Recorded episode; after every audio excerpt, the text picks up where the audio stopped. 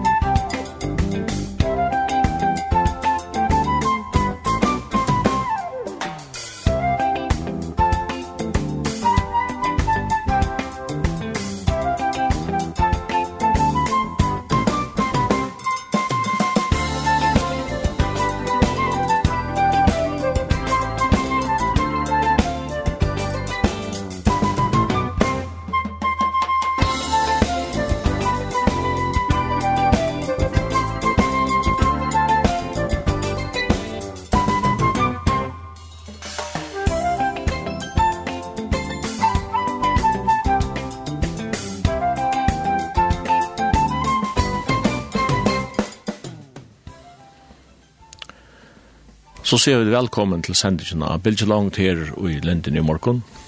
Vi utavstående er Simon Absalonsen. Egon Sone Dansen er tekniker, og om man har løtt så får vi at tossa vi en, en gest som vi får vidtjene av. Men i fjellet ikke fire vi å lese Salm 121, det er Songur og Hatujar Ferum. Jeg litt jo bæg i mine møte fjallet noen, hver skal hjelpe min komme? Hjalp min kjem fra herren som har skapt himmel og gjør.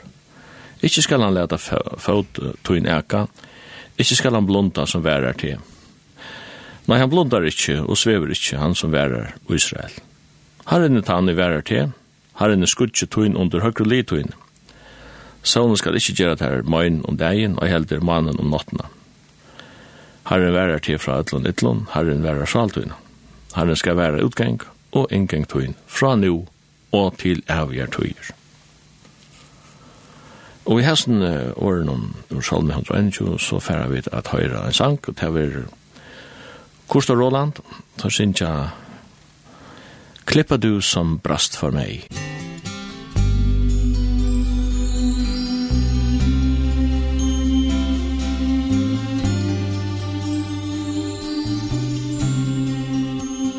Klippa du Låt mig gömma mig i dig. Vattnet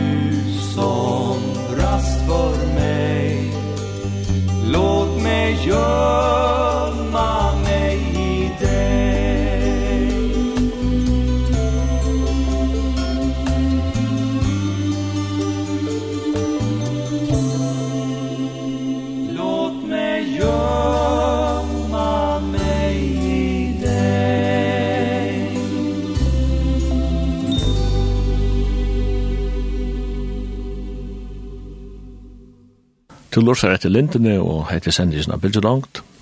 Og i morgen så har vi finnet en gjest i studiet, Jekvann Zakariasen. Jekvann, velkommen. Takk for det. Jeg spurte om du tenkte å komme her at uh, ta seg synder om, om det som du har gjort i siste årene, og jeg vet at du fyrast nek rundt i Europa. Ja. Og Europa det er ikke det samme som det er for 20 år siden, eller for 20 eller Alltså, vi tar ett, ett annat Europa i det än vi har haft i nek, nek, nek, nek var. Ja, det er helt sikkert. Altså. Det er ikke at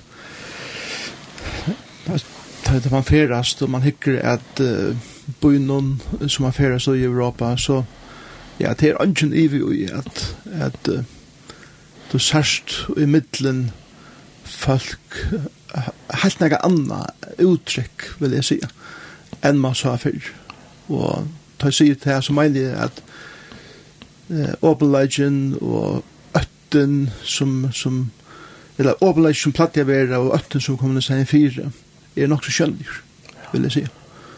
Og det er øtten for hele møvlen, altså. Det er akkurat som at, at og det er kanskje ikke bare i Europa, men jeg har alltid heilt ikke heimer enn det er stort på en slik måte at folk får kurser innplanta i høttekjøsar at det er øyne jeg tenker å være bensjefyr.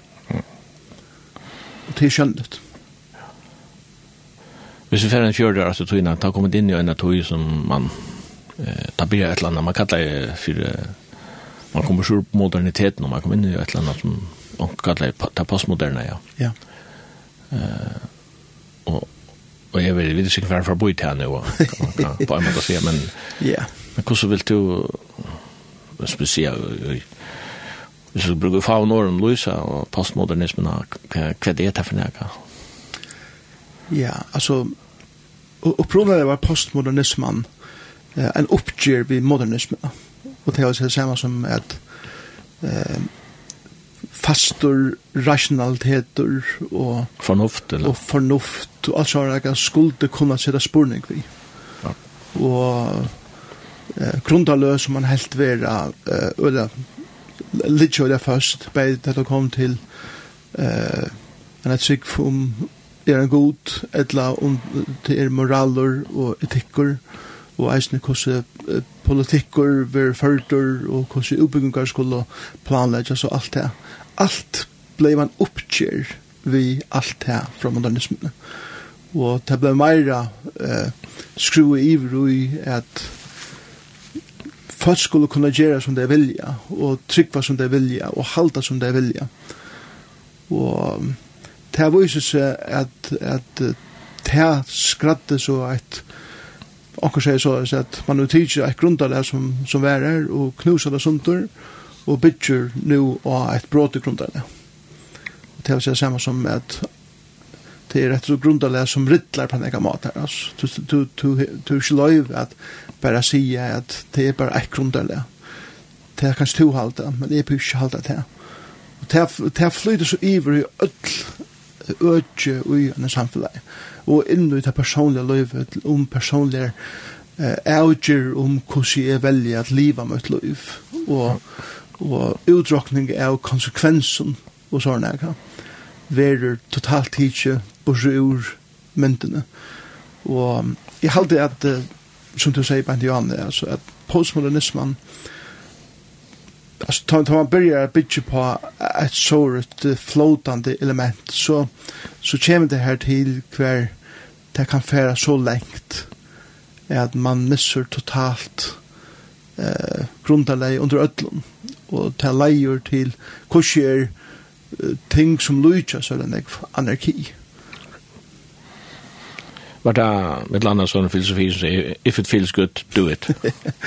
if it feels good do it, ja. Yeah. Men så hørte jeg en en søvi om det var en bil som stod i en ljøskurv og bilen framför han hei så at det klistermärke av kofängaren if it feels good do it. Og sin bilen at han han hugsa ok. Han trusti av spidaren og rente inn og kofängaren av bilen framför og så mauren kommer fram i bilen framför kommer ut pura sväker kvar det sin bilen mauren bitlar så inn at køyra inn og i sin bil. Og han, uh, han sier bare vi igjen, jeg tok bare tynner av hans, og det føltes veldig godt. så vi kunne godt se noen ting, men tar vi selv har rakt av det, og gjør offrene, så er det ikke det blir helt langt. Postmodernismen så sånn at du i tonelage og i lister, smalninger lister og sånn? Ja, ja, ikke nivå til oss. Da du kommer fra hvis vi tar hvis vi tar fra i tonlage kurser fra barokktøyene som ble som leide i så inn i de klassiske periodene som så leita inn i de romantiske periodene. Vi kommer inn i i uh, 1600-tallet, først i 1800-tallet og inn i 1900 ølt så byrjar komponister at sige at tar tar matan er komponerer på eh som som hava eh som hava en gongt, kan man gå säga, som, uh, som har veit att dette er akkordene som vi har spela vi, och för det ska vara gott för er att höra och ta lejde och av en leie kvar det føler att tonlagren teker med nekra senner, och han teker med, alltså till dømes en motor, han bygger upp till ett klimax som så leier med eh, heim till det endelige akkordene och i versen och så vidare. Så kommer uh, komponister som uh, till en som, som heter Stockhausen, en tyskare, som, uh, och, och är uh, som sötte att allt det här vi akkorden och akkordprogressionen och det här att det ska følast godt at lusta etter sånn kan er en refleksjon av en heime som er en illusjon. Fyra heimspardeie, mm -hmm annar heimsferdeien, og, og hver det så hver det så at vi lever i heim hver onki er vist langur. Til onki strukturer i langur. Det som det helt og eh, skulle halta helt ikkje og så er. Og det er det er så utsikt i tonleitje hver du lort til tonleitje og, og det er ikkje akkur til langur som øyra var vant vi høyra at det var spilte nutjer tonar som er sett saman på sånne måte hver man nesten krimpar ter til man hører det og, og er køyra totalt motkorrerer etla og i imenskar atter og, og nekvun uh, verskun fikk du bare en figur å spela og du spalte den akkurat som du vilte og så lunge som du vilte inntil dirigenten bare slå av og, og, og meningen vi, vi, vi, vi tog ja, men altså, to finnes to en luttla lot her, to gjør som du vilt vi han, andre gjør som de vilja, og det samarspillet er det som vi så liv i det, og det er slag og musikalsk og kaos. Mm -hmm. Og det som musikker og list gjør er det, at det er ofte bare et uttrykk for det, hver uh, heimeren er i det, at det kommer til uh, grunnleggjande huksan, grunnleggjande meiningar, eisne grunnleggjande vogn, Ja, det er spekler kanskje også det som er inne i menneskene. Ja, absolutt. Jeg hadde det, det som er inne i menneskene vil øyelig ofte avspekla og i samfunnet, og du sørst det i, i list, du sørst det i tonleidje, du sørst det eisen i klattene, og så folk leder seg ui, hva måten gjør, og så er det. Um, det er ikke, det er ikke av grunn, ja, selv ikke ikke så gammalt i førjen, at onkur sier vi må hava en dresscode til skolar og så videre, rest. Mm -hmm. Tog at hvis folk skulle bare uttrykke som de vilja, og, og en moralsk standard for, hva det er sunt og ikke sunt, at suttje og høyre og så videre, så, så, så uh, gjør folk akkurat som de vilja, og det gjør det at det er øyne folk som bankrammet var støtt, jeg tror. Og det possible att det var eisen att vi sandlux begreppen under det er, att man eh man eller men jag visste att att det fanns absolut sandlux. Ja. Det kan, jo, det kan man gjøre i teorien, ja, men uh, alle mennesker, vi lever hver eneste där, vi, vi tror jo på at det finnes absolutt sannløk, ja, altså, uh, du får til arbeid om morgenen, og du møter klokka åtta, og du tror på ordet, og ja. Anker fyrir bussen og bussen fyrir uh, Lai troi, hun kører 8.04 og sånn her, altså du hikker det bussplanen og du tror at bussen kommer ta Ja. altså uh, Louis, vi er fullt av absolutt om samløykom ja. så det virker sin til uh, en ansøkna. Jeg, jeg husker om, om da uh, men derfor jeg, jeg jeg synes vi landsjukker å sigjera det fikk du bedre enn en gav enda men uh, vel en kanningar og blårønter og, og skanningar og alt med himmel å gjøre, skjønner jeg. Og så tenkte jeg, hva er det enda man gjør? Mm. Det er enda man gjør at man leter etter en sannleik. Ja. Som er det ikke. Ja. Og så løy vi fullt av. Ja. Så ja, ja. det, det virker mer som en djup, djup ansvar. Men det er kanskje et eller annet vi at, at det kommer til til transcendenta eller til andalega, så sier man, og her kunne vi omgang til vita nega som helst. Ja. Og, alltså för vi får lucka ta ett try här som det första året alltså alltså vi såg ju den ett färdigt det är bridge negativ av flowvetlon och och bo i ett flickvaron och och så är det det i åren och ofta sällan sommar kvar till ölja nekvar älusingar eller försinkingar och så är og til øyla stuttlet å observera folk. Ta i flikkvaren kjadar er antil er avløstur edla sankaur at, at for å komme at til absolutta, og folk sanda og råpa etter så folkene innanfor disken. Ja, men flikk var en skulde færre ta og ta, og jeg skal nå og ta og ta, her og her som jeg skal, og så er det. Og da sært disse frustrasjonene og øyne komme fram i mennesken. Og henne får ikke gjørst. Og henne får ikke gjørst. Men uh, det som jeg mener vi er folk som kommer en flåvøtt forvanta enn at henne som de hadde bestilt.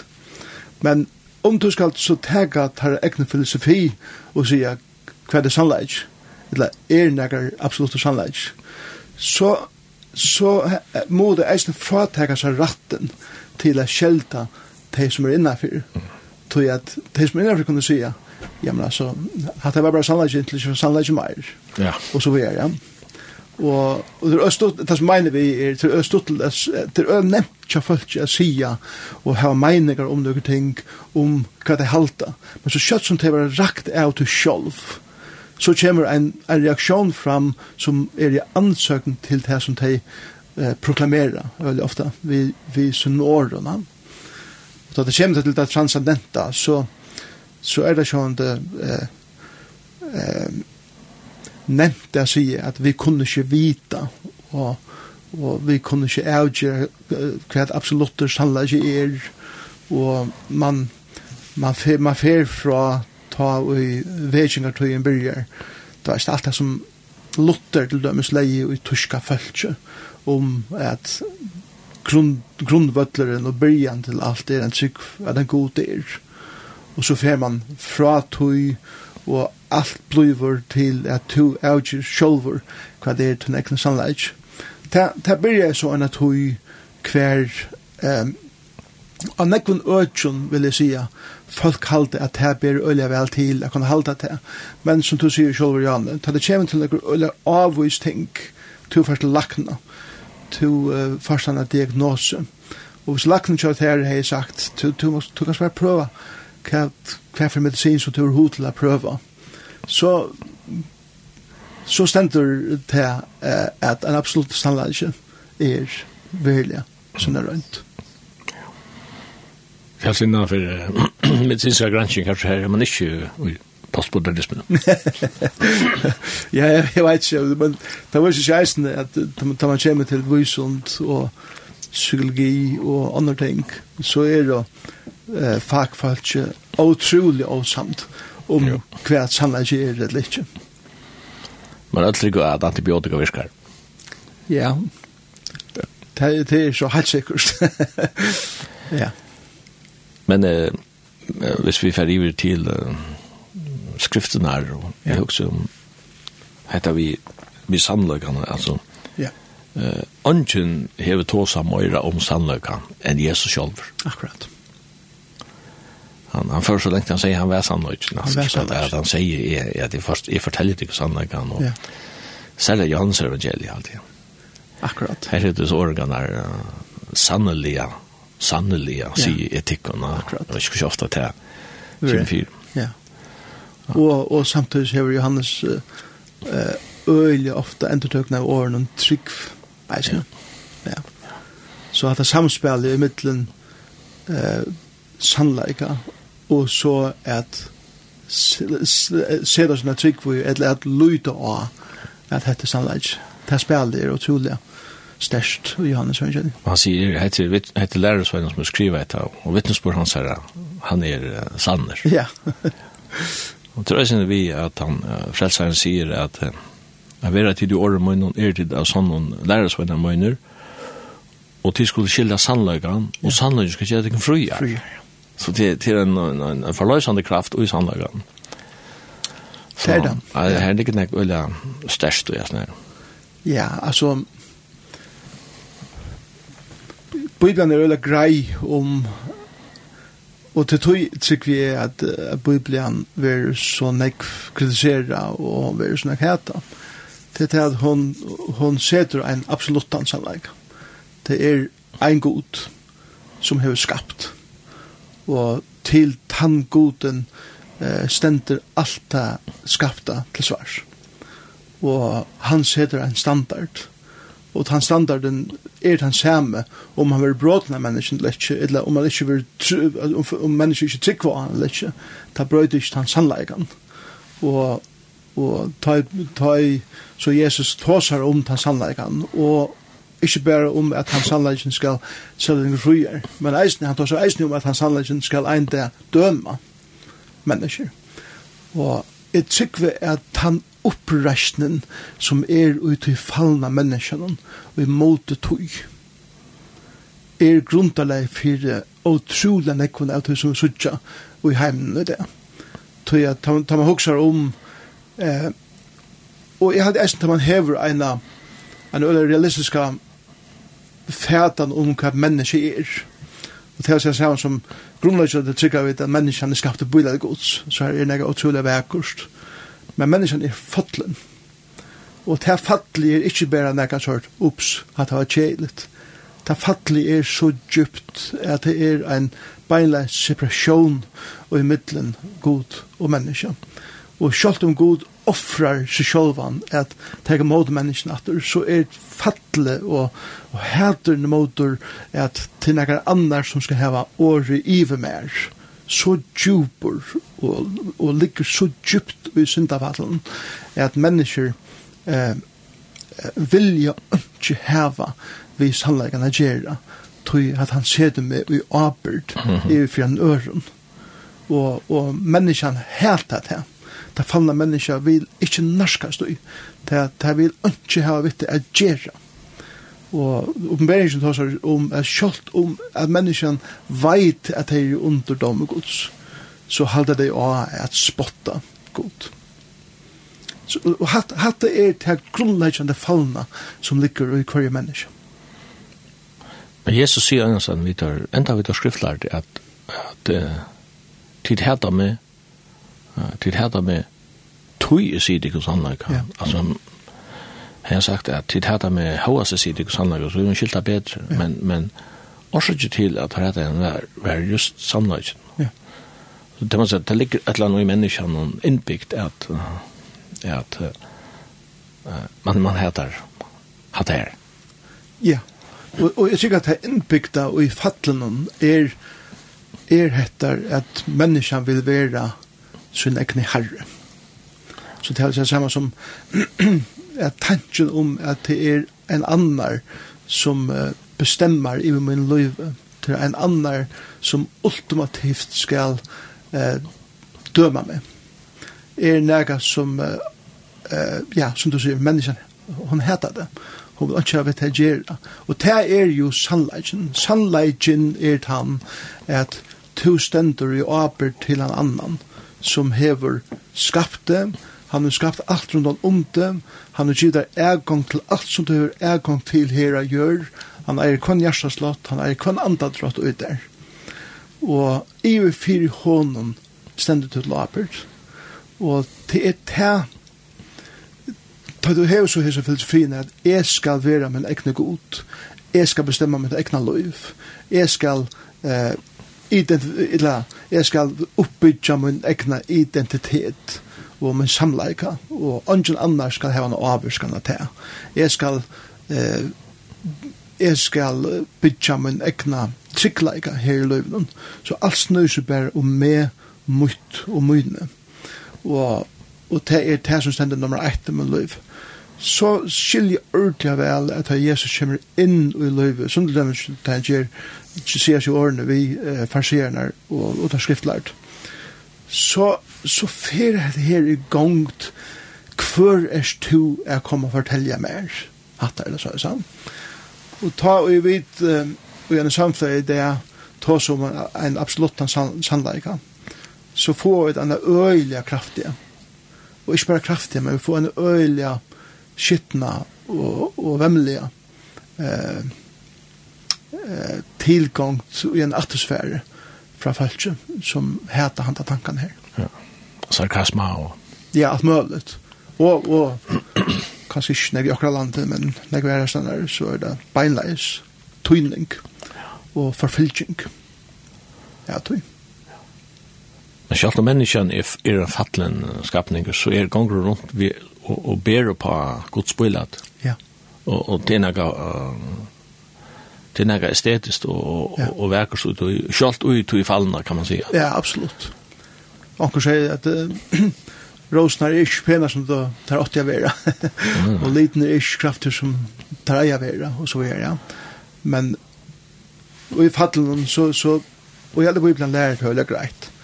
Att uh, menneskene som har skapt og och til gods eh uh, det här bildat var ikke tidsi borster. Nei. Men det var på ankarmata bøkt. Det var på omkring måte. Fikk skia, stor en skia. Men det at menneskene er kreativ, det er menneskene er vøker, det at, at menneskene eisende gjør vøker ting, og skaper vekere musikk, list og arkitektur og alt det som er suttje heimen der. Det er at uh, en mamma kryner sine badne og er om det det er folk teker seg av hverandre øren og alt det. er ikke bare tog at det er nega godt i menneskene, men det er tog at god leie nega godt i menneskene. Og selv om det er skaikla så, så, så ligger det her. Og det som god så gjør det var at han gav sin son vi tog fri eia at opprette hessa menten at. Ja. Det er jo som at, at mennesker som som kommer til trygg av Jesus fer alt potensialet fyrir at gjera det opprunalige gåva som god atleie hennan heimen til. Sjåvande at endurfødt menneske hunker stadig på syndafall. Ja, ja. Det er ikke tidsi fra okkur. Ja, just. Da vi kommer til trygg av Jesus. Men vi får, vi får hit eisene. Jeg kunne, jeg kunne velge at jeg ser det god som nummer ett i min liv. Og det kommer å avvirke hvordan jeg er så oppfører meg, og hvordan jeg reagerer til den omheimen som er livet i. Og Jesus var rævlig oppi av det, altså, det han, han sier, det er sikten til som herra dekken, og biver heimen som søkje er dekken, og elskje futsjene dekken, og at stinsen her. Fyre til kunne være bøtten. Fyre, nemlig, ja, fyre det kunne være bøtten, og, og det er akkurat som at da han sier det, så sier han ikke det, tror vi, bare for å gjøre en totalt omøvelig oppgave. Han sier det til at ta det kommer inn i en samfunn mer, vi med heva tid og mer potensialet til å gjøre akkurat det her. Og jeg har ikke ta seg om uh, det her, at ta djevelen færsen vilja, nekka samme. Og han er jo opprunnen til er negativ som suttja i heimende av de ønda. Så, så hans herra våpen er hæter og split, drap, stjæla og alle tingene her som han Johannes tåsar om, jeg kjente kjevlene. Han er sett ikke klarer på å få motspill fra eh, tøymentåten som Jesus tåsar om. Mm han sprayer hætur og vantar så motspallet vil hætur as motor. Eller han sprayer drop og han vonar og vantar at drop vil as motor. Men tamen kjemur motor til ønta vi karleika og vi uppoffring og eimjukleika så er det hans styrkjen ut til så utrolig. Jeg sa det var sikkert hva skal jeg vite.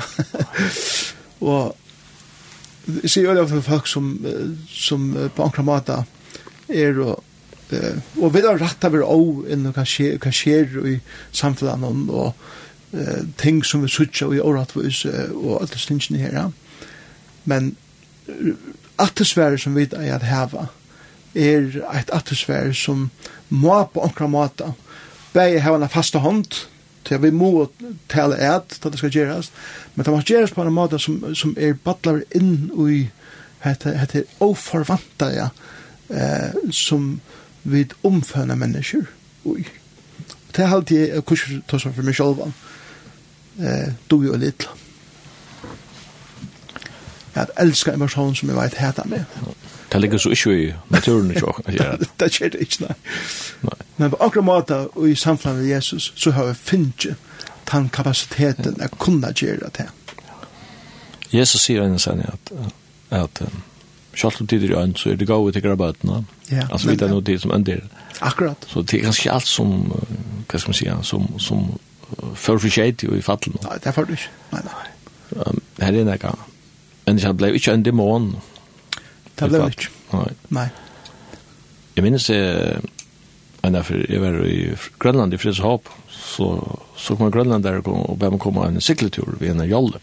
Så vi får en lengre stimetur. Ja Og så så jeg den trollaren som er stå, som er render ballant. Han er steg i lunsj, ja. Mm -hmm. Jeg kan minnes jeg sa en flotta altså, jeg sier flotta trålere, han sa virkelig flott ut, ja. man sa han på av avstanden. Så sier han, vi får sikle ut til han. Han silte jo helt, helt inn, vi kom jo helt inn under syna. Og så når, når vi kom, ljøtere ble han. ja. Og da er så da er vi kommer halt in in en att chips altså, da alltså ta så där rean det utan. Men samtidig hej du så her arkitekturen så här skrockren så flotta linjerna og man sa dette her er är forverende, förvärna och helt fantastisk. Og och nu nu är det pura kaotiskt. Ja. Och han tar mindre ju också framför mig där i där jag också om människa och i fullkomna tillstånd som är godskapta och så kvällsindafall gör det till. Ja, nämligen. Så. Og det er ikke noe stort til at jeg tar man gonger rundt. Det kan godt for i havn, det kan være snakk og senere. Da man ser et hus til dømes som har vært totalt forfattelig. Og, og så, så var det enda lukka og henda kvita dutjen som, som de veist, reiser opp eh, rundt om i huset ja, og, og, og, og forskalla det var tammaten. Og så tar det vært åpenbæret atter og det er i en spilte nudgen hjemme, og så er det, ja. Ja. Og er akkurat, og ta mynden er eisen som bøker alltid, hun er hins og igjen. Ja. Er god teker et menneske som er totalt bråte og knøst, og folk ikke er det, og, og hukse her ønsken vogn for hæsen, og god kommer inn, og totalt forvandler, altså. Det er, Det er stort vi hæsen vogn, altså at, at fattelig er her, men vånen om enderreisen, og verleisen om enderreisen er her reisen. Og Jesus sier at mennesker ikke bare finner til atter som er mistet fattelig, men det finner noe väl at sett. Vel at kjent, ja, absolutt. Ja.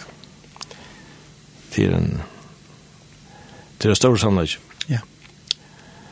Jeg kan, eh, Jeg nevnte det vi vi var inne, altså postmodernismen men alltså bankasvägen är vid och där kommer förbud här og inne och och mer kaotisk.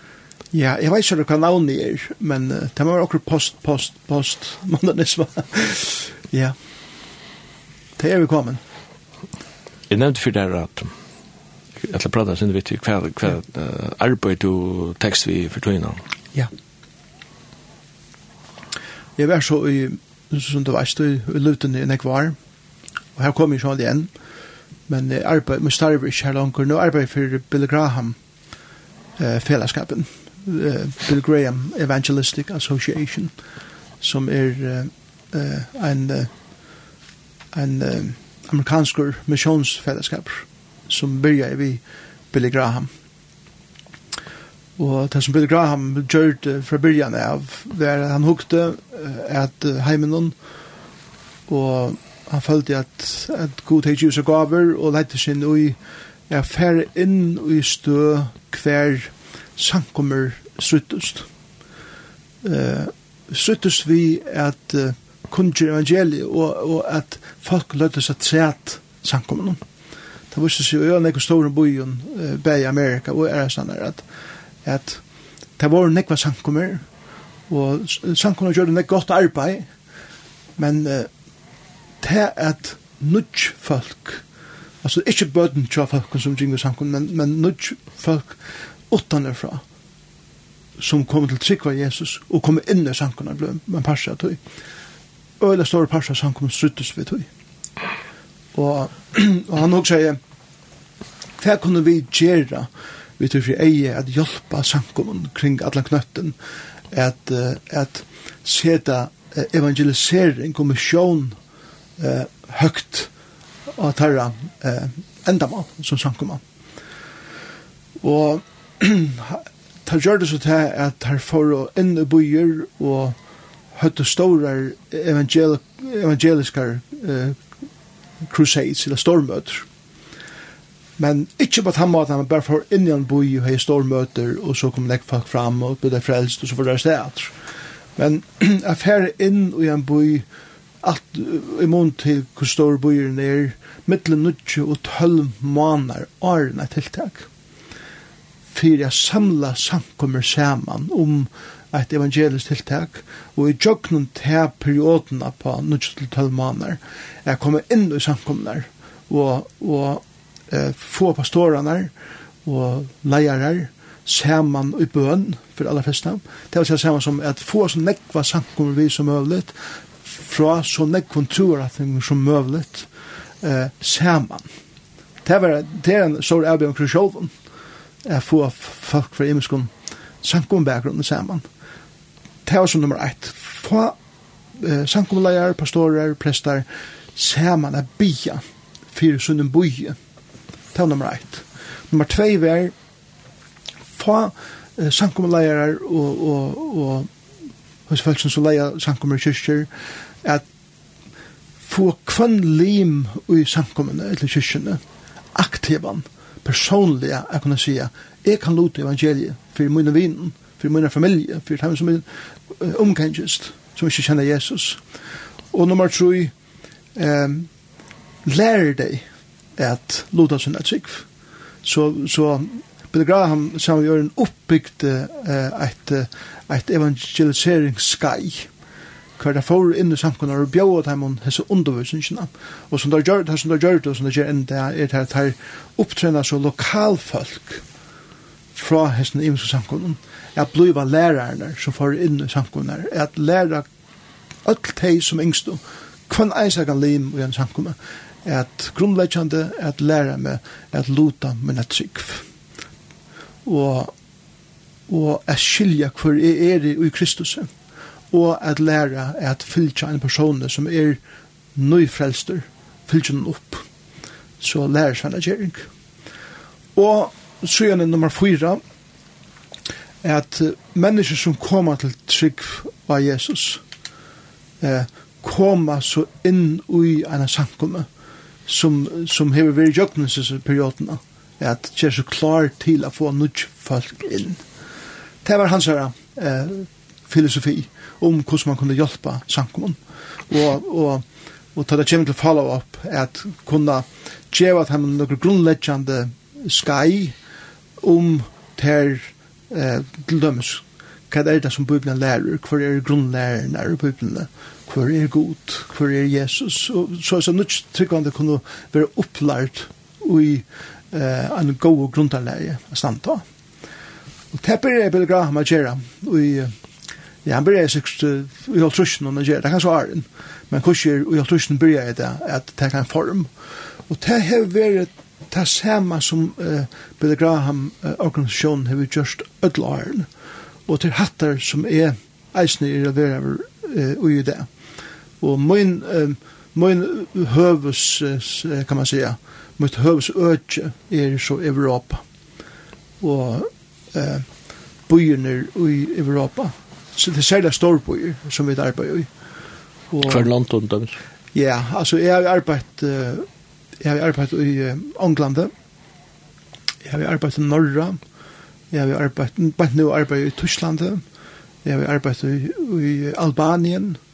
Eh, jeg arbeider nå i Italia, eisne. Jeg arbeider, eller blir i september, jeg arbeider i Porto, i Portugal. Og i neste år kommer jeg arbeid i Spanien og i Berlin. Et Madrid og Berlin. Så det er fra Storby til Storby. Så det er det samme som at vi er inne i en by i uh, Agera forarbeid i middelen 9 og 12 måneder. Så har vi et, et, et, et stort tiltak hver tusen av folk koma. Det som er stuttlig ved tog er det at øyla nek folk koma til trygg eisen i åren etter store tiltak. Tog at vi opptrener samkommunar og samkommunlimer at teka evangelisering av årlige. Og så tror jeg stått til å sudja hvordan nek folk koma til trygg for åren. Og så har vi et, et, et at han har et stort tiltak vi veri og folk kommer fram. Og vi uh, vi trenar så folk upp at hekka mot ut han folk som kommer fram til dess noen eh, som gjør oss et til Jesus er få tarra opplysningar så at vi kunne det noen samband med det atter og sette det i samband vi en samkomme som er et herre øk så konseptet er vi kallar det for er, er Andreas Andreas uh, lærer seg Jesus som alltid tog folk til Jesus um, det er nok så naturligt at hvis jeg er bjøve en vannsøkende vinn vinn mer eh, og okkur tiltak med egna samkomme, eller om det er det, så det store tiltak som vi kjipa fyra, er at han personer, en vinner kommer, kommer vi mer, og i mine samkomme er genka så, hvis det er geografisk møvlet. Men det er faktisk som eh, ikke kan skal komme ved en viner, men som bare kommer inn eh, av møte. Her finner vi det her hver til byggva. Og så eh, hittar vi hver er samkomme som vi arbeider sammen vi, er i hessen økene som hessen er vikommende personer bor. Og så ser vi noen samband vi eh, en pastor eller omkring leiere ut i økene som vi vet at han er samkommende vi til adressene kan stå selv et samband vi hender personen og bjør honom eh, å komme eh, ut i samkommet. Og vi sender eisen vikommende personer et brev og sier til for å få en vidjan fra hæsen og hæsen pastoren fra tøyet til samkomne som fyrir bjóat her er blevet en parst av sønner i samkommet. Husker er nok så systematisk. Ja. Uh, og det er fire, grund, grunden er, er fire at, at folk ikke skulle dette nere i middelen. Så, så oppfyller arbeid blir gjort så vel som mulig. Det er veldig ofte det som hender er til at man kommer inn, man har noen store møte, fullt av folk uh, reagerer og har et eller annet slag av av uh, at det kommer fram og gjort og så videre. Men ønsken kontakt er det så at og det blir bare vekk. Og kan vi säga vi vil kanske gjøre det som vi kunne til bæði fyriræking, men eisne attan og jeg vil ta tiltak i livet, så er jeg i en bøye upp til ein, ångte upp til tvær måneder attan, for jeg syrja fyrir at öll falskene som kommer fram er jo nu eh, connecta til en samkomme. Eh hetta hetta her tiltak so sagt er tað so lum so fundar røð man hevur. Ja, det er typisk ein vikeskifte. Ein vikeskifte. Ja. Typisk er det tvei rom við fyrra gavat nú eitt vikeskifte i rom i november månad. Og ta ta ver so bæði leirkvöld og sunnakvöld. Og ja ja, det det er upp mot 30.000 folkene som som var vi til det helt tæs. Det er viktigt. Ja, man det så en, en ute av stadion eller? Ja, det er et, faktisk er det et, et av størst stadion som er innelukket. Og, eh, så det er nok så typisk det er. Så det kan være, det kan være, altså det minste som jeg vil vi til halde, vi 4000. Og så det største som jeg vil vi til er norska så 4000. Så det er øyelig imest. Alt dette er store byer nere, eh, hos störst man ønsker att slå det upp och så vidare nu. Men, men det, vi ser eh, 45 prosent av arbeten er fyrreising, og 45 prosent av arbeten er etterfølging. Eh, selv tiltaket er bare 20 prosent. Det er bare lykke toppen av øysfjallet. Yeah. Det verlige arbeidet er åren og. Arne vi fram i sammenheng for å høre en sang, og vi tar det gjerne kurs og Roland i Klippa Du, som brasser med vi hører nå her der Sintja Sanjen, Jesus er hans navn. Amen.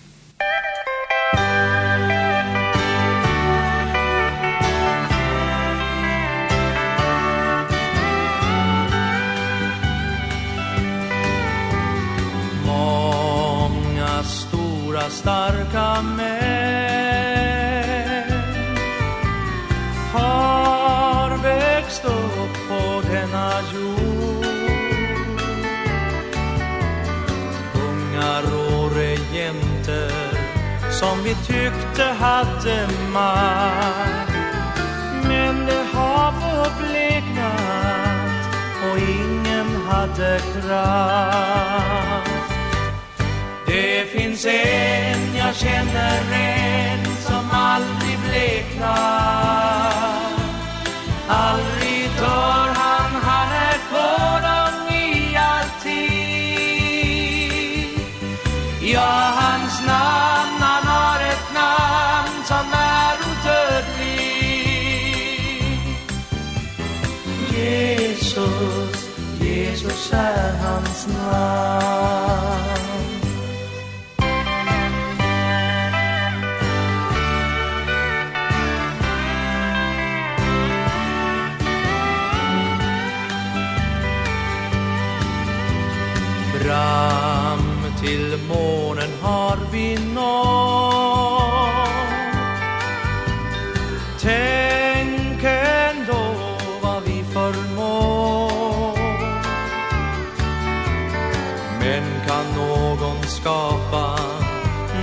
någonting av ingenting. Ja, det gjorde Herren som är i evighet. Det finns en, jag känner en som aldrig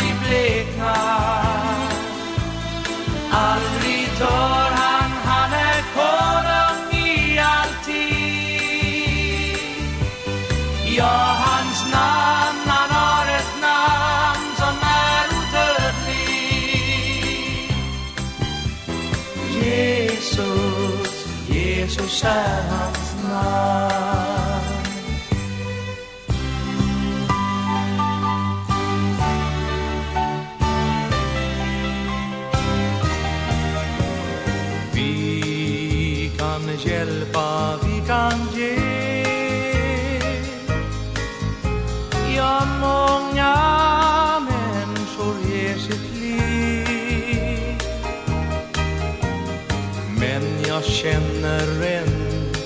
som inte bara gav sitt liv.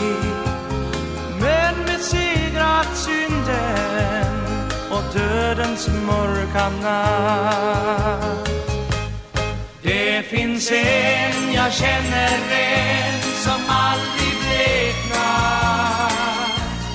Aldrig dör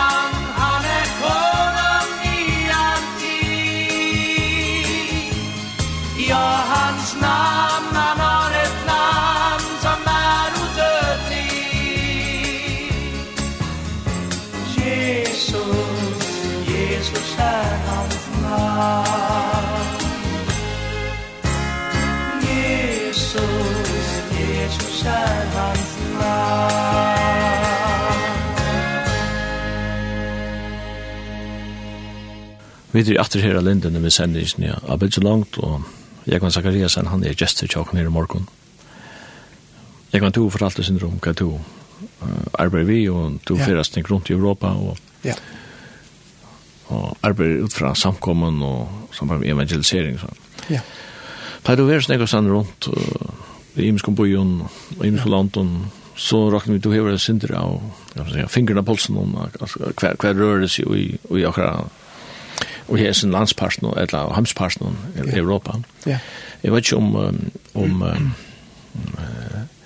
jeg er helt rett her, jeg vet så vidt jeg vet, er vel minne 20 prosent av utbyggene i heimen europeere. Ja. Altså... Vi er en luttland parst av heimen. En luttland parst, og... Ja men uh, man kan säga att att att, att han boskaparliga och politiska styrken vi ska säga hemma att med bara snäll han ligger i i Europa. Han ligger här. Efter en lojen världspast vid Levo ja. Också på Tamadan att. Ja. Eh vi vet vi också om Indien som jag vet inte när vi överhåller Kina där för ja. halv andra miljard och såna där så det är ganska mer fast att en en öll större land i Europa tillsammans va. Ja. Något något så inte räknar Ryssland på i men. Men till att till att öle folka här runt i hemmen och så helt det här jag vet inte vad det här lokomotivet som som liksom hälsa vara Harry i alla alla världen ja som europeer. Och spåren är hvordan lunch vil det her sett? Ja. Ja. Ta hitje i Europa og det og og og sjøvne kjøkken kusier til søster 2000 år, det kan samar enn det. Og så börja det vi Jeg vet ikke om det börjar kanskje nok snakk vi alle sammen til det store. Da han grytje intog tavran i heimen. Så at Arnt her heter veri andre rydtje, altså Egyptaland. Det her heter persiska rydtje, og, og så vi er det veist. han? Babylonar er og så. Babylonar er ikke minst, gamle som heter Søvan, hun befinner seg ut tøy økjen og tøy tøyerskannene. Men i middelen testamentene, da kommer Alexander Store ur Grikkaland og innteker heimen. Så kommer romverskar rujtje. Og Jesus er født i romverska rujtje og vekser opp i romverska rujtje og ta første sankumnar. Der levde og i verleggene av romverskar rujtje og hvordan det sa ut, og den tøyningen som de levde i, og så gjør. Og på en måte så vil jeg, har jeg ho å si at uh, den avgjørskan som kristendommen heier, og da du sier hvordan han ferreist, han ferreist jo vestre etter han kom inn i hette økje, og det som kristendommen bjøver og det som ble grunderleg for så utrolig nekvun er at det gåa som vi njóta og det. Eh, vil jeg sige er, er, er sprotti ur eh, en bådskape som en maver fra Nazaret byrja i at jeg prædika. Og vi fink og eh, Borsi ur en romersk rujtje mennesker som börjar täcka sig av bötten som var blägga ut av vägen till föräldrar inte skott om dig. Eller börjar insöka att öll har rätt till uppbyggning. Öll skulle kunna lära. Öll är några värd.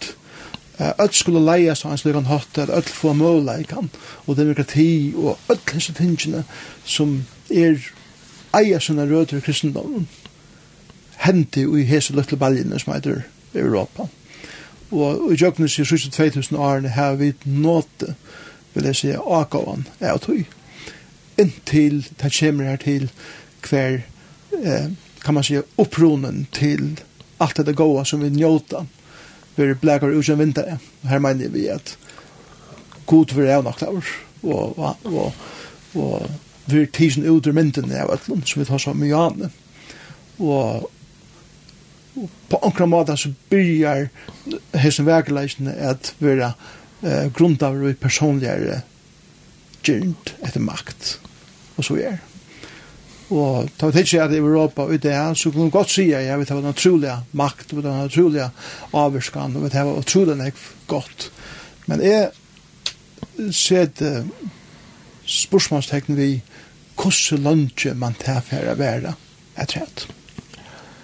Jeg halte at Philip Jensen sier jo en av sin boken at Vestrøm, det er han, han, han han terror på en moralskan kristnan kapital och vi vid out totalt. Och han är och man man vill bruka han upp till ändan så ja och det är ju det här som postmodernismen ger det post post postmodernismen det är att hon hon vill ge är vi allt här som vi har byggt då och och vill är något det här eh grundarläge men på ankomma där allikevel jeg vilja halte på at vi skulle stadigvæk hava alt det koa som vi hava.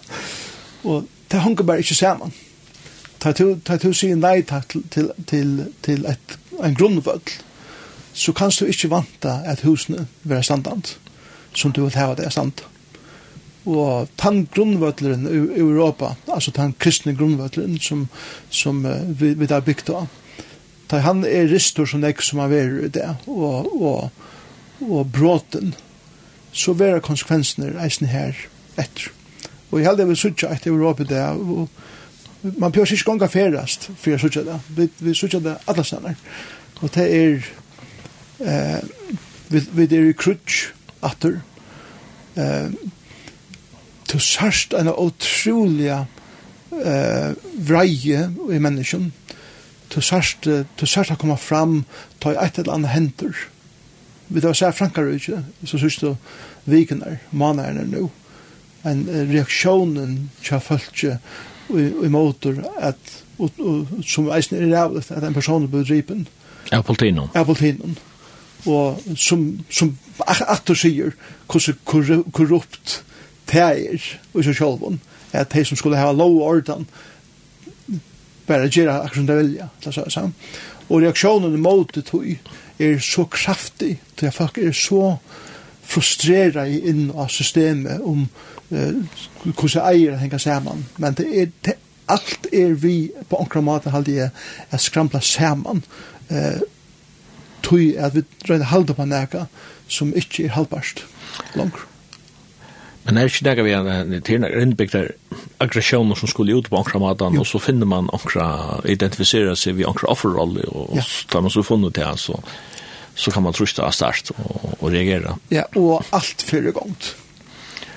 Alltså det var det samma vi, vi uh, alltså, jag vet inte, Black Lives Matter och LGBT och Vogue och kvar allt det där. Ja. Att, att, att, det blir inte offerroller. Ja, altså, det er jo maten at, at uh, jeg får makt på ham, honom. Att seg selv själva til et offer och kräva sin rätt og så videre. Og Og, tis, og, og på nekka måter så er det eisende, altså, nekka er av de folkene som er i offerrolle, er i veldig offer, av mennesken som misnøyd at her er makt i verøren. Her er også om nekva minnelig av bakkar som en søkken ølter heva virkla lije under rævleikon fra mennesker som halda seg, mennesker som halda seg av makt i verøren.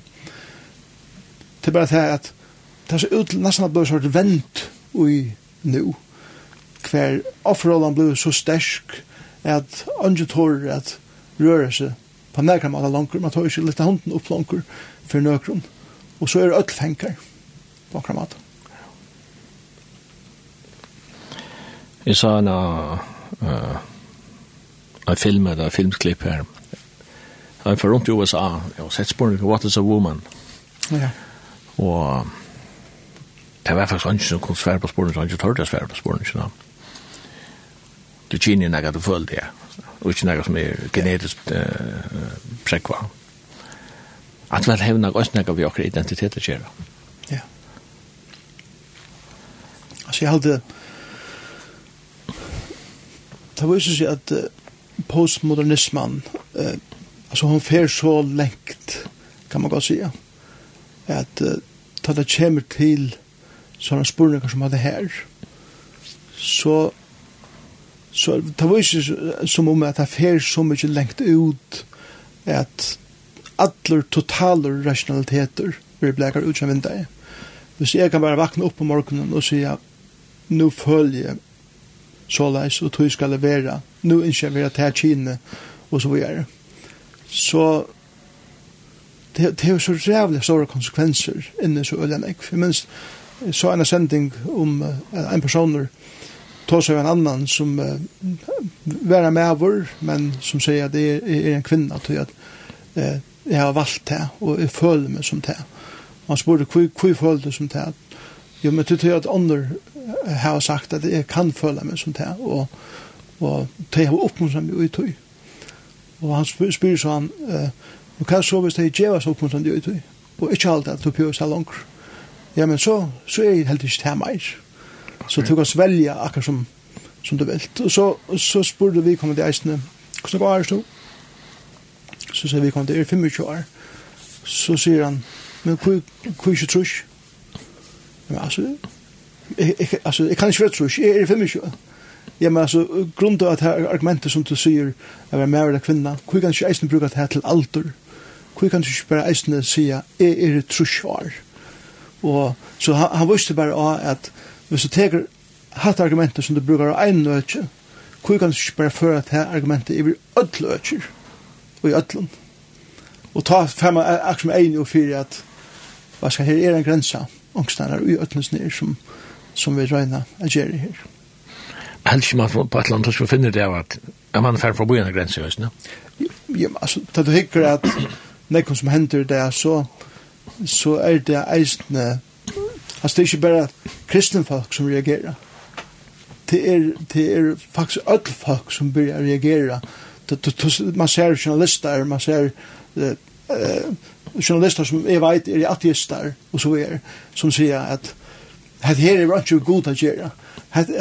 Nå kommer det inn i at øke hver man fer så lengt forbi alle grenser at vi må simpelthen tale et her, og vi må bakke atter til et fundament ångstannar. Det er annars, annars fer ut i nækka som er totalt bare sjukt. Ja. ja. Jeg leser fyrir stått under netten om en amerikansk uh, lærare som i Løyfrøy, han er med starve. Mm -hmm. Han er undervist av college om, om uh, genetikk, och, och människans uh, reproduktion, alltså människans förplantning. Ja. Och han är så förklarat att en människa har 64 kromosomer och det är det ena av de 64 kromosomer som som er kynsbestämmande, altså X eller Y, som är utgörande om tällan nu en gent eller drag. Akkurat. Och den undervisningen är att røste fyra närmare sig opp, og tar marsjera ut ur hølen, og det ble en sånn rola i skolan enda vi har mistet starv. Mm för att undervisa någon som är profast, empiriskt visont. Ja.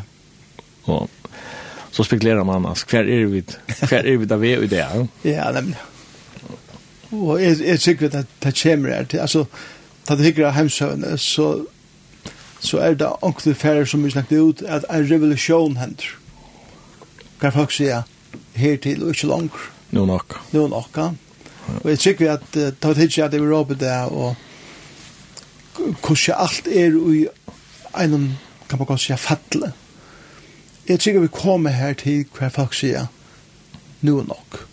Jeg vet ikke annet hvordan det her kommer så ut, men vi færre komme her til hver det er et eller annet slag av reformasjon, eller revolusjon, eller omkring Så man tenker at altså, det som individualismen gjør, til dem, sånn, det må være en, en, en, en ende og totalar individualisme, hvor man innser at eh, om alt skal bæra snikk av seg om meg, og etter hvers menneske skal kunne si at det er om seg selv, så vil anarki, så vil krutsk, så, så, så vil drap, og at det synes som henta, og vi sørger det det. Hvis du så teker eh, til dømes eh, sekulariseringsna, hver man teker og sier alt som eitur moraler, alt som eitur etikker, faktisk tek man eisne alt det som, som tar som Johanne, som eitur fakta og, og, og eh, absolutter, sannleidje og så videre. Og det, hong, det skal bare henge i leiserluft, og man gjør akkurat som man vil. Det må eisne komme her til hva folk sier hertil og ikke langt. Og så tenker man materialismen eisne. Ofta sier man at eh, individualisme, sekularisering og materialisme er eh, til gjorde ved trimen høtten som er tråkne opp. Så er det.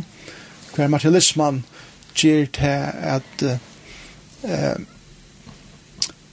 atterlige som vekser opp i det heldur seg heva rett til ötles tingene som materialismen bjóar og utan at skulle gjøre nega arbeid fyrir det skulle bare heva det forkjent og, og eh Vad ska stämma så kommer åt men allt det här vi uh, child labor och kus man inte trimmer arbeid selv, man har man man har uh, arbetskraft är såna från kan betala dem slutt som mulig, og ødels tingene her for vi kunne uppehålla en standard som er god for oss som er på bekostning av tusen av vise, hundra tusen av vise av øre menneskjon som gjør at det arbeid fyrir okken for vi skulle leva etter okkar egna standard. Det må få en enda. Mm. Vi har oppleva, det synes jo Arne, vi da var jøgna en koronakreppe, ja. som isolerer i folk og eller Ja.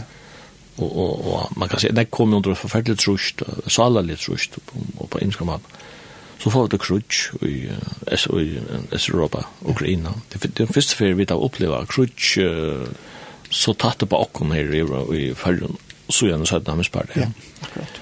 Men det var løsning sett sånn, altså, det er sett så fingremmer i Europa. Det er også bare krutsk og, og korona. Ja, sannelig, ja. Altså, korona var noe helt spesielt. Altså, og Altså, det er, det er hooks atter av korona til inn, altså. Jeg, jeg, jeg klarer meg virkelig vill altså. Hvordan Kusse det er är få mennesker bare at man sker. og och att krupa under uh, krøven, som jeg har sett. Genge takt. Genge takt, ja, simpelt henne. Og jeg er ikke en konspirasjonsteoretiker, jeg er jo det verden her, men det som du er suttja, til det at korona var en super god røynd at suttja hvordan løye menneskene er under noen mennesker som har utrolig makt i heimen. Og det som hender i korona, då vi er vel av suttja, er, er akkurat det som oppenberingen eh, peikar fram til, at det vera nøkker få som sitter ved så stor makt at man skal ikke kunne kjøpe eller selja utan man undergjøver seg ta man reglene som vi setter og om du ikke følger ta med reglene det samme som hendte i korona så blir du totalt utefrister kritiserer vår og du slipper ikke være vi eh, til den nærmeste vi, vi tar tiltøkken så er tog jeg tog hever en mening som er i måter meningen til fjøltene. Det er stand. Og dette var en super prøve kan inn til hvordan heimer kan styres fremover. Og jeg tykker at korona er ikke livet. Kanskje kommer det i form, men det er konseptet av at mennesker skal bare gjenge takt ja. under timer som har makt og penger. Det, det er ikke livet. Det er jeg ikke. Og så har du krutje av træet som, som eh, skaper bare en nytt, nytt slag av øtta i, i menneskjen. Og folk er så bensje for at, at uh, onker trustra at han reier knøtten, som gjør at tjattnorskan kommer om nivrokken, at öll er bare totalt lammai. Og jeg hadde at, at det som så hender er til at vi får en øyelig eh, alde av fløttum, og jeg har ikke bare om fløttar fra Ukraina, men jeg har eisen om det er som kom åren, og Estland fra, eh, ta i 2013, 14, 15, her ja. Eh, ta er ferie i Europa der, så, og så ikke det nekve Tysklandet, så ikke det ærestan reisende, at uh, det er en øle tjekk i middelen eh, fløttar, og så befolkningen i landen, hver det er øle nekve folk som har en øle hæter, og irritasjon inn og ødelsfalskene som vi da finner inn i Europa. Og, og på det ikke alle fire ofrie herreisene, han ligger bare beint under vannskorpene. Anker sier det minner man at tøys innstedelig er bombe. Ja, absolutt. Absolutt. Og så er det at man ser reaksjoner eh, tja følge, som du lømmer seg frankar, som tar som i Janne, at det skal så reelle lyte til at vi totalt bresta bæra og tar vi bresta, så fer, så fer han flow av denne gang som man vet ikke hva folk kan finne på å gjøre. Altså. Men uh, de øsinger forvaldige mennesker, da kan du ikke ta oss amintelig rasjonelt fornuft. Nei, nei, nei. Altså, hun må bare rase ut og ja. kølne ned at du kan rakka det amintelig fornuftene. Ja, og alt det som ligger etter å at han har kølne ned at er øyelige konsekvenser. Det er det. Men eh, en stor spurninger, grunnleggende spurning som, som menneske alltid har spurt seg selv om hvor er jeg, altså, hvor han kom jeg, hvor er jeg, og hva enda mal vet jo heila. Akkurat. Naturvisendelig, så er menneske det reduserer bare til den kemiske maskinen, og at og hotøk som anti og sal til kan jo reduseres bare til høyla kemi og ja. aktiviteter her, altså, og, og, og i prinsippet noen, så er det uh, rett og slett visende folk som sier, ja, mennesker kan uh, reduceras bara till fysik och kemi, alltså till grundstoffer på samma måte som du kan göra vi en hus eller en bil eller vad det är. Ja. Alltså till till tandfärdan och så kommer hin kan man säga tammar spirituella ja. transcendenta färd människa hever några mer ut här mm -hmm. eh en en bara den röjande materierna. Ja hon ligger ui menneskjan, hva skal man si, det spirituelle, at, at God ja. har lagt evnlagan inn i hvert øyneste menneske, og evnlagan seg hvordan lengt borste det er fra evangelien og da skapar noen, så ligger det her i dem, og her ligger det møylig, akkurat. Jeg rekker dem.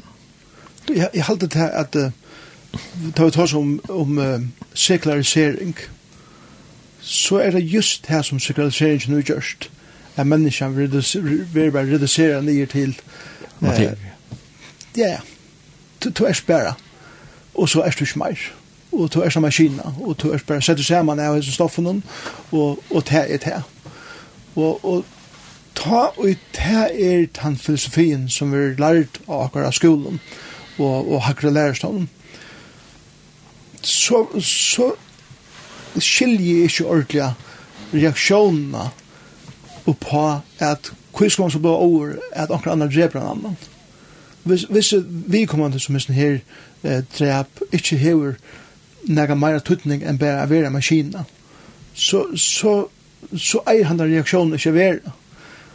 Tog vil jeg si at, at han har reaksjonen og vi kunne reaksjonen ikke at ikke går til at han er grunn til øye men reaksjonen selv, ikke selv er at tegjene på at det er nega meir ui sånn her lilla substansen som nu ligger dekt här av venom än det som är rationellt bara har vi huxa. Och det är det ja, vi är det transcendenta och jag som ligger här och och vi reagerar på att alla tøyene, Sjølt om vi vi akkurat åren kunne jeg nok det at det er det. Så det kommer noen her, så kommer det fram. Og det kommer ut på det skriva mat ofta. Men som du sier så, at at det er nemlig en utrolig mulighet til åkken at nema vi hatt og øke til mennesken. Ja.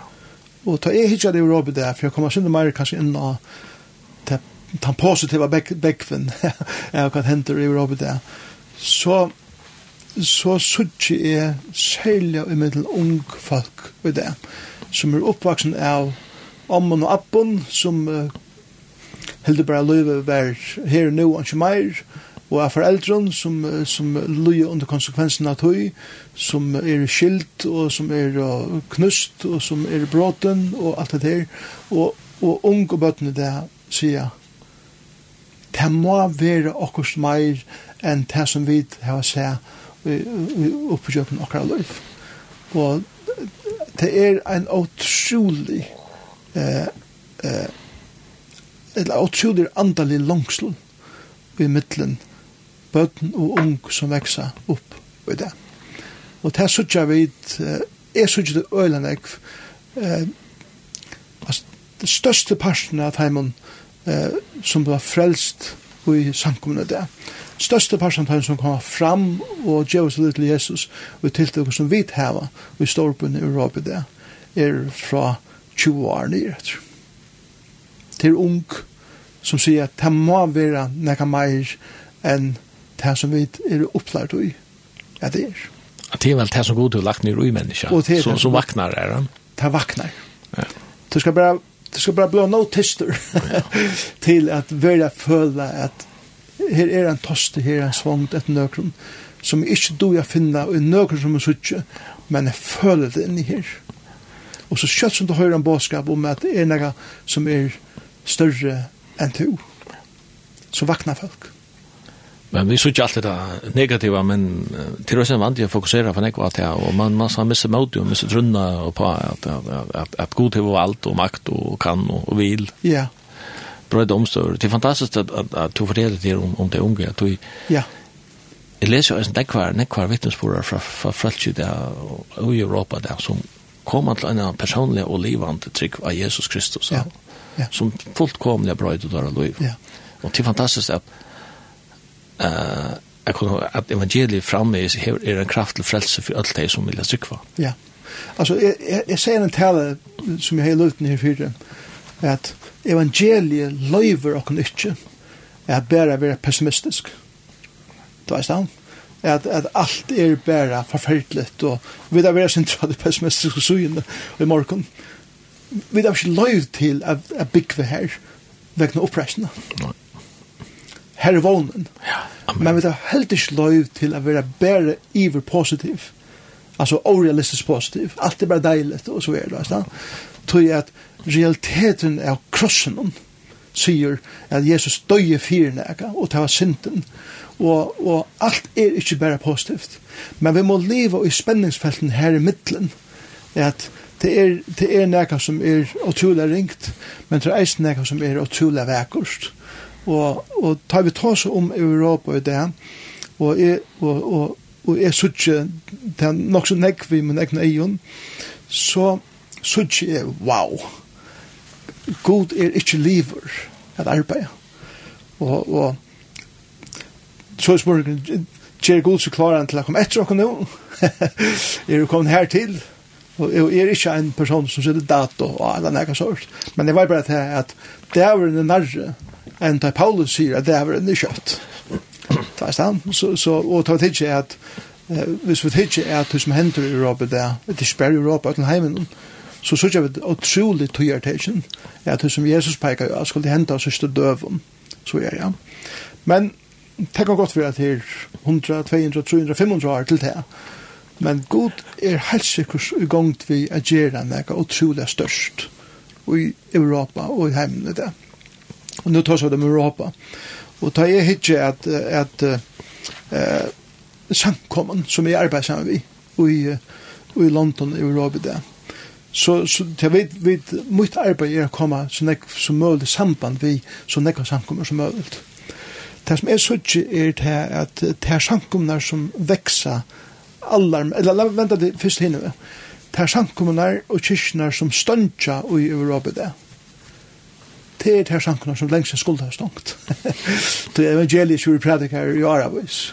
Och det är, det samkommunar och kyrknar som inte predikar evangeliet dodja ut. Det gör det. Och det, och det blir bara till en sån eh, kristendom. Så kan man leser sin poesi og, og, og synger noen sanger som har et eller annet gjør, og, og, og ikke mer enn det. Det er dodge ut, og det er skulle dodge ut. Men samtidig så, så poppa nødja sankummer upp alla stedner, oss. Og det som er synes uh, allermest er utländska sankumur i Europa, ved det.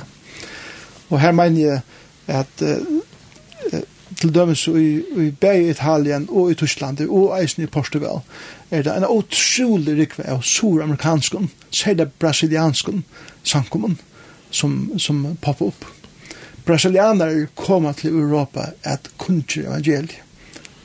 Det kommer fra Sur-Amerika som tror på er til Europa at arbeid i organisasjonen, fabrikken og som lærere, professorer og hva det som skal være. Men vi tror for ei at bygge samkommer arbeid vi hava eh, en rikve av afrikansk samkommun som, uh, som eh, byrja i husen, heima sang hussamkommun.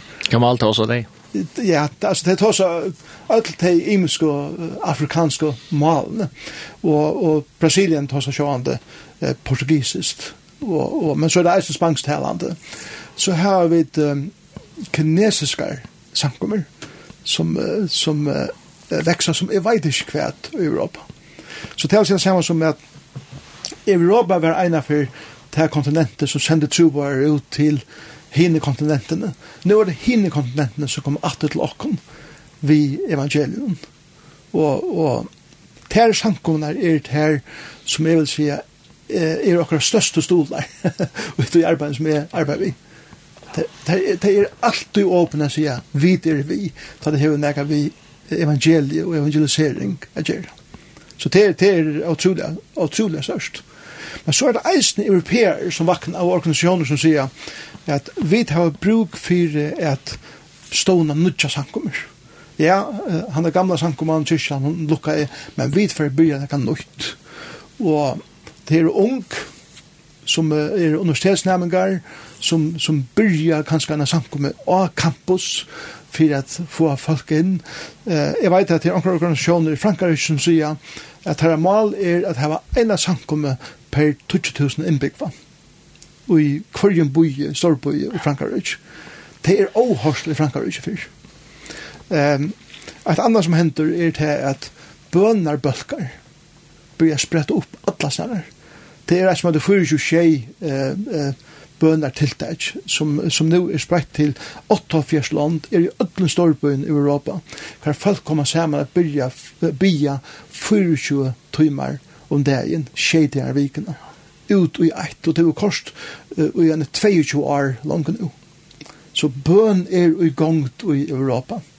Hver kan man byr inn i byen at, at God skal eh, vise seg storan det er alltid i gang til Europa. Et annet som er suttje eh, middelsankomer er til at einleitjen hever ångan av versus serskur som man er bætt nu. Og det er det samme som at da man ser krutsk er i Ukraina, man ser så fløttene som kommer inn, man ser heimen er gåse, så sier man knappt det, vi kunne ikke bli vi er bare liv og gjøre egna leire som sankummer. Vi er uisne bare den saman. Og til dømes i arbeidet i Milano, i två år eh för att fyra tilltag och det var i coronatiden. Det var första fär i itali italienska evangeliska söve. Ja, så nekvar imskir eh, sankom og eh, leirar og imiskar sankom bakgrunder kommer saman vi tufir eia at bia saman og at standa saman om att spreie evangeliet ut. Vi sier det samme i Rom, nu, hvis vi sier det samme i Tyskland, som ikke vil se over, så at det er akkurat som man, man fætar at Kristus er er ein brukkommer som bare hever eina bror til ein samkomma som Jesus sier han skulle bytja ikke så imme så troretningene og, og jeg halte at folk bør få egen oppfyre at vi er eit og vi må standa saman som eit Et annet som er sørger er til at, og jeg nevnte det jo an i eisene, er at ungdommer eh, er fremtiden. Ungdommer sier det at vi er trøyt av ötlun hissene her som vi er oppvaksne i, vi er trøyt av at høyra at det er ønsken sandleitje, at det er ønsken god, at det er ønsken grunnvøtler. Vi er langtjast etter at heva en grunnvøtler at bytja. Vi er langtjast etter at sutja at det er nekar som eitur skreift og til nekar som eitur ratt. Vi lønges etter at sutja at familjan ikkje vil bråd langkur, men at hon vil sauna om og vil vard. Det var slik hva som er at sekularisering byrjar vi politikken at man skal bare få noen politikere inn i systemet som er nokta alt det som er rett og skreift, til leier inn i skolasystemet, som vi sutja i det, ver allar etiske og moralske grunnvøtler ver rikter undan bøttene og til reker så bænt inn i familiene. Hver bøtten bare kunne velja, og, og foreldre ikke har løyv at, at jeg ikke har langt om bøtten skulle velja hva for kjent jeg skulle være, og så er alt det knusa familjen og sånt. Og unge bøtten der vekst opp og sier, vi vilje ikke hette meir. Og, og, og jeg synes ikke det i, i Europa det. Hver bøtten streima til sundagsskoler. Ung streima til, uh, til et eller annet hver kristna samkommer bjóa ungkona koma til. Vi tar et tiltak nú i, i uh, juni måned, i Napoli, i Italia. Mm vi vant av at det var å komme en tvei, kanskje 300 ung til at det er til at det er ikke tiltak enn jeg kan være større enn til. 2500 ung møtte til at det tiltak. Tog at det var nok få tryggende ung som bjør som vinner vi, og de sa at ja, vi vil jeg komme. Så också vi er vakna. Ja, absolut. Ja. Alltså så god er fer vi er gjerra nekka utrolig otroliga störst i i Europa er i samfunnsrom. rum. Ja og, og ta jeg ikke at Europa der, så, så tykker vi ikke at det er europeer som kommer at omvende Europa. Det er utlendingar. Det er folk er ærestandard fra som kommer inn at, at, at evangelisere Europa. Og jeg tykker heller ikke at det er vaksen og eldre som kommer til å gjøre nære brøyting. Det er ung som kommer til å gjøre brøytingene i Europa som sender fyrir framman. Jeg tykker heller ikke, og nå skal jeg ansette hvordan jeg sier det her, jeg tykker heller ikke at det er pastorer og uh, trobarer og samkommeleier som kommer til å gjøre negerbrøyting i Europa. Jeg tror, jeg tror at det vil være tryggvande vinnerløs folk som kommer til å gjøre brøyting, mm. gjøre brøyting i Europa. Det er det samme som at, at pastorer skulle ikke uh, røyne at skulle gjøre arbeid selv ved å bygge sånne egne samkommer opp. Det er Jeg hadde oppgaven til pastoren og, og kristne læreren og leieren i det, er at samføra folk som sitter ute i salen, særlig vinneløs folk som, som, som kommer ut og har en avvarskan, at teka sånne trygg så mykje alvorlige, at det teka henne vi til arbeids, og byrja liva trunna her ute.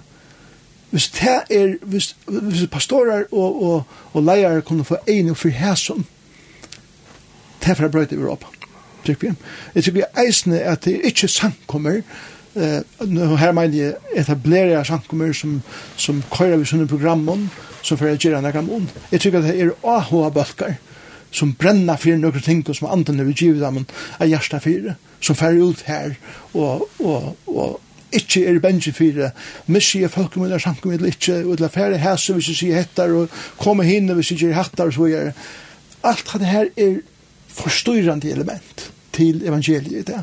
Det er folk som sier, jeg brenner for Jesus, og hatt for jeg at, at ikke smias, at jeg kunne gjøre. Og jeg tykker at det er einstaklingar, og i samkommunen som vi gjør mån, og ikke det tiltøkene som vi som samkommunen røyner gjør. Tøy at Halle Anten, han kom omgående inn i uh, det første samkommunen og gjør tiltøk. Han kom inn i einstaklingar, og sendte det ut at vi er et ljøs, her som det er våre ljøs i muskren.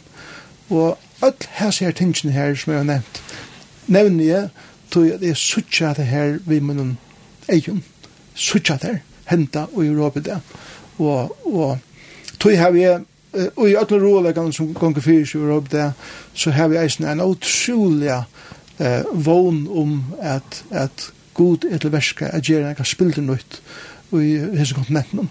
Og da jeg sier at her, så mener ikke vi en ekvislige, vi, vi tar oss alt snakk om vedkjengar, så er. Jeg tror at vedkjengar er nekk mer eh, i, i lommon, hver, hver, hver vi sutja lommar vakna imsastannar, og, og derfor er han avvirskande av folk. Det var så, så kjøtt som vi stor, snakker om stora vedkjengar, så halde vi skapa orealistiska forvantningar, og så er man skuffaur. Mm og vi hittar bare de store fjøtlen, og vi sitter ikke der vøkre blåner som vekser av fjallasøyen. Og det er her vi skal hittar hva god gjør ut av en luttlo tingene. Luttlo sørste som græsrøter. Akkurat, det er nere i græsrøtene hver god er til verska. Jeg kan, vi kunne snakka lunch til at det er så sju, men uh, tog inn rønne fra kun, og ja. det blir omedelig, da har jeg haft her i morgen jeg sier deg hjertelig takk for at du ville komme her og døyla. Og særlig oppmuntrande gjør med at enda han så ikke til jeg også så inn av et lund. Ja. Det er sånn tusen gjør og gjør og med ut til alt og alt. Ja, og vi er, altså, vi er realistiske i tog ringa som henter, men eisene er vi er vånrykker og i tøy fantastiske som god til, til verska gjør. Ja. Så han som sier, færre ut i Atlanheimen, han sier, er vittig kun alla det er lukka til enda du gjør. Amen. Amen. Så enda frem, takk for jeg vann. Takk for jeg kunne være her, Mark. Ja. Og jeg halde vi færre at uh, høyra Sveine Preskar synes jeg besta bok er boken her.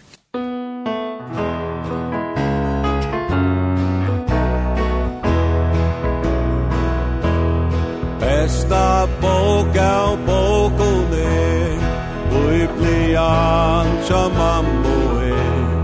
Mest av taron skratt og råka Er man glad Men så klart er fire mer Ta hon tog beinna sær. Sette me ui panche og til god om bær.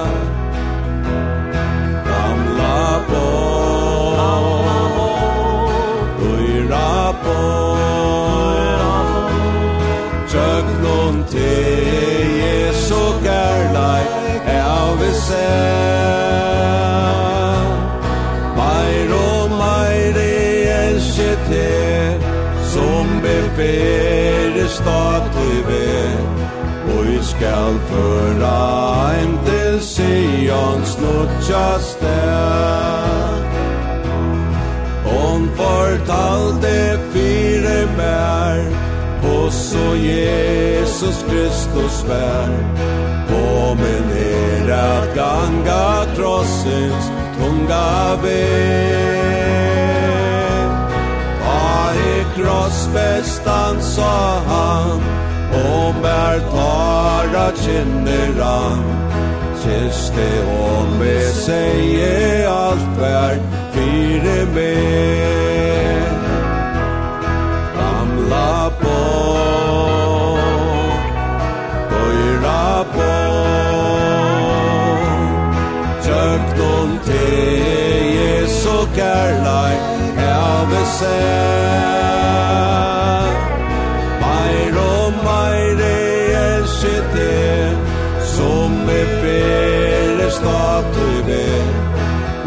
Her føra ein til snow just there Nu oi himle mamma boi Men tam botjen er mer nu Som oi sorg og glede henne Vær så kær Hon gav kraft og nøyar stånd Hon helt Leit og næsene skal hjelpa mer Gamla på Dyra på Tjøknum til Jesu kærleik Heve sen Meir og meir elsker det Som vi vet du skal føra heim til Sion snutja stær. Sendingen av Bildjelangt, hon er kommet vendt i det, og i utarstående er Søymen Absalonsen, Vester, Gjester var Jekvann Zagreasen og Jekvann Sund Dansen, han stod fyrt i tekniska.